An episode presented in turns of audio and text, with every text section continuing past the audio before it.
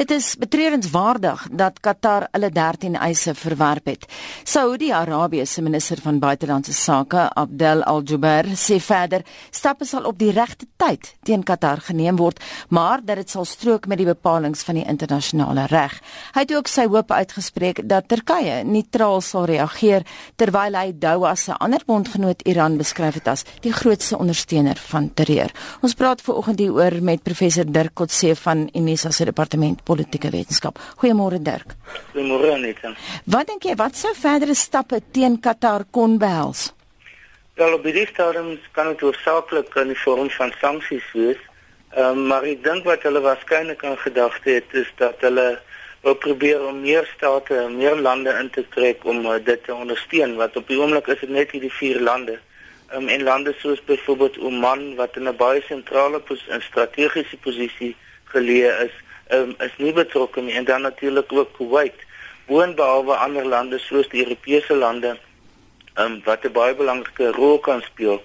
Um, maar soos ons weet is is hulle opinie of hulle mening waarskynlik verdeel oor hierdie situasie en dis hoekom het dit op die oomblik net die vier lande is wat daarbey betrokke is. Die Turkse president Tayyip Erdogan het gisteraand gesê hy staan by uh, by Qatar en dat die eis dat sy militêre basis in Qatar gesluit moet word spreek van 'n gebrek aan respek vir beide lande. Hy het ook in 'n onderhoud met die Duitse Die Zeit gesê so eis is strydig met internasionale wetgewing. Ons sien baie duidelik hier waar die Turke is en wie se kant hulle in hierdie geveg is. Ja, die die verhouding tussen Qatar en, en Turkye is is 'n ou verhouding en dit besig om te verdiep. Jy sien dit selfs as jy deesdae op 'n uh, eh, Qatar Airlines vlieg, hoeveel Turkse produkte daar is. Um, ons het nou gesien dat een van die eerste reaksies met hierdie blokkade wat ingestel is, dat Turkye uh, begin om om op groot skaal produkte aan Qatar te stuur. Ehm um, so daar daar is 'n baie sterk verhouding, maar ek dink wat nou te sprake kom is dat dit nou na 'n ander vlak beweeg het in die, in die vorm van die militêre ondersteuning en dit pas baie goed in by die die die groot idee van Erdogan om 'n uh, streeksmoondheid te probeer word. Uh, so dis nie iets wat uh, wat neutraal is en wat uh, objektief na gekyk kan word nie. Mens moet baie spesifiek daarna kyk uit die oogpunt van die die Turkse 'n groot idee van hoe om betrokke te raak by 'n as as as 'n streeksmoontlik. Ehm um, en dit hang uiteindelik af, daar's nie 'n werklike reg of verkeerd nie. Uh die internasionale reg het nie 'n spesifieke uh voorskrifte oor nie. Dit gaan eintlik oor oor realpolitiek en oor diplomatie. Hmm.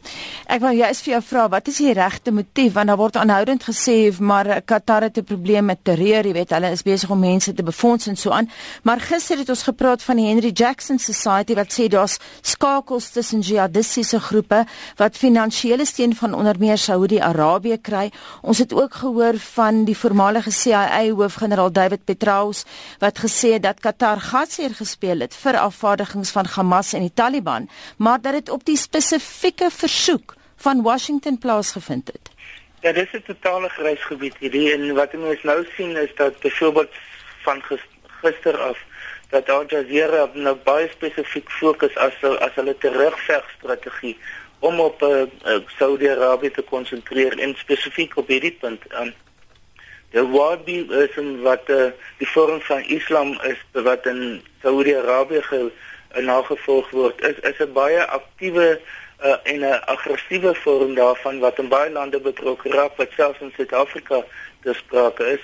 Um, en die selfs lande binne die Sunni tradisie nou wat nie deel is van Wahhabisme nie is is baie um, en daarom word Saudi-Arabië deur sommige en gesien as 'n land wat eintlik betrokke is by die ondersteuning van verskeie groepe.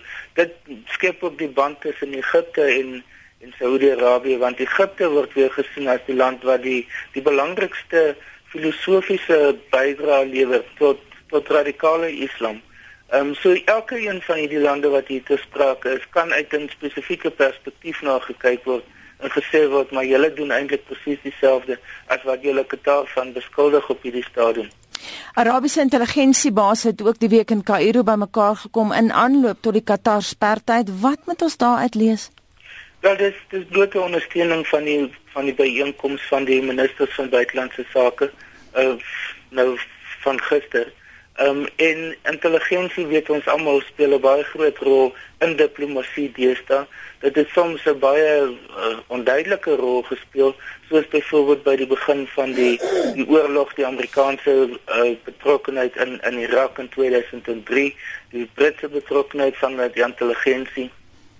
So die verhouding tussen die intelligensiegemeenskappe en die diplomate is is absoluut en is eintlik 'n uh, 'n simbiotiese verhouding. Ehm um, en dit is ek dink die rol wat nou daar speel, maar dit is baie duidelik dat die fokus die die strategie wat gevolg word teen uh, Qatar is die van dat hulle uh, Qatar beskuldig daarvan dat hulle betrokke is by uh, beweging soos die Muslim Brotherhood, soos uh, Al-Qaeda, soos ISIS en ander en hulle probeer nou getuienis kry om dit te ondersteun. En die ontleder Lori Plantkind Blokhart van die Washington Instituut vir Midde-Oosterse Beleid sê sy verwag 'n skaakmat situasie wat nog lank gaan voortduur sonder enige ontlonting van die krisis. Wat dink jy gaan gebeur? Ja, ons is reeds daar. Um, ek dink die die besluit wat gister geneem is is dat die volgende ronde moet in Bahrain plaasvind uh, waar die volgende uh, onderhandelings moet plaasvind. So dit is dit is werklik 'n situasie waar daar is nie 'n onmiddellike oplossing in insig nie. Ehm um, dit is die die VN die sekretaris-generaal van die VN het nou sy afgevaardigde reeds so toegestuur. Die Amerikaners is besig om stelselmatig meer daarbey betrokke te raak. Duitsland en ander Europese lande is is ook meer besig om betrokke daarbey te raak. So dit is aan die ontwikkelende baie groot diplomatieke kopseer. Jy het nou verwys na Duitsland, die se minister van buitelandse sake, Sigmar Gabriel, is juis nou oomblik in Kuwait en hy sê die sanksies teen Doha se doel is nie om die soewereiniteit van Qatar te ondermyn nie, maar daar is ontleeders wat anders dink. Wat dink jy? Ja, dit wel dit is weer eens uh, af van wat watter perspektief mense dan kyk. Die, die Duitsers sien dit dat die ehm um, in fokus ook op die die moontlikheid dat Qatar betrokke is by die finansiering van terreurorganisasies en op grond daarvan ondersteun hulle dit op die oomblik aan. Maar presies die teenoorgestelde argument kan gebruik word deur te sê dat dit is 'n deel van 'n uitbreidingsdrang van Saudi-Arabië om lande rondom hom en veral klein landjies soos Qatar om hom in te trek en dat hy baie geïrriteerd is met die onafhanklike buitelandse beleid wat Qatar nou oor 'n relatief lang periode reeds volg. Ehm um, sodat daar definitief verskillende perspektiewe wat moontlik is. Baie dankie dit aan die mening van professor Dirk Coetzee van Unisa se departement politieke wetenskap.